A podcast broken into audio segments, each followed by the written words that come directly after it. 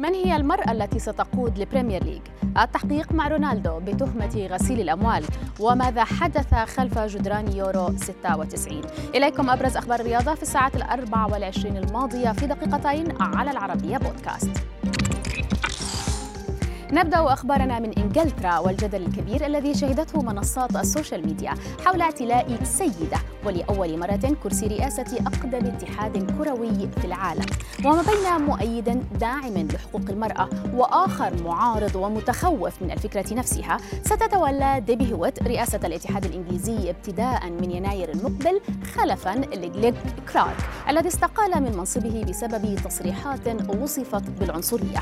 ومن المتوقع بحسب صحيفة The Times أن يصل راتب الرئيس الجديد السنوي إلى 190 ألف جنيه استرليني.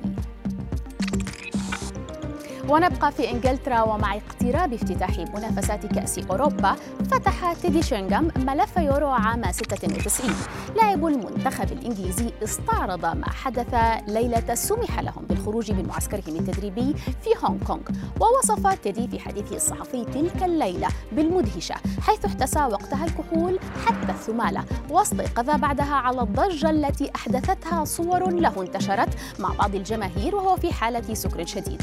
لاعب المنتخب الإنجليزي السابق وصف تلك الصور بغير اللائقة ودعا اللاعبين إلى تجنب شرب الكحول والمخدرات في البطولة الأوروبية المقبلة.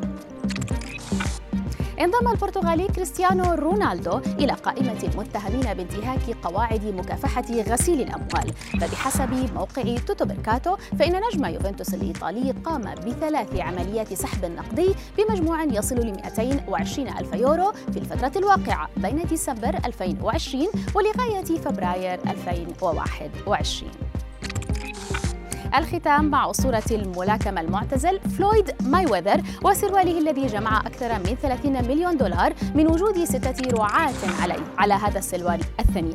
ارتداه مايويذر في نزال استعراضي غريب جمعه مع ال YouTuber الأمريكي لوغان بول أمس الاثنين. انتهى بالتعادل لعدم وجود حكم على الحلبة لاحتساب النقاط ليصبح إجمالي ما جمعه مايويذر من النزال ما يعادل 130 مليون دولار.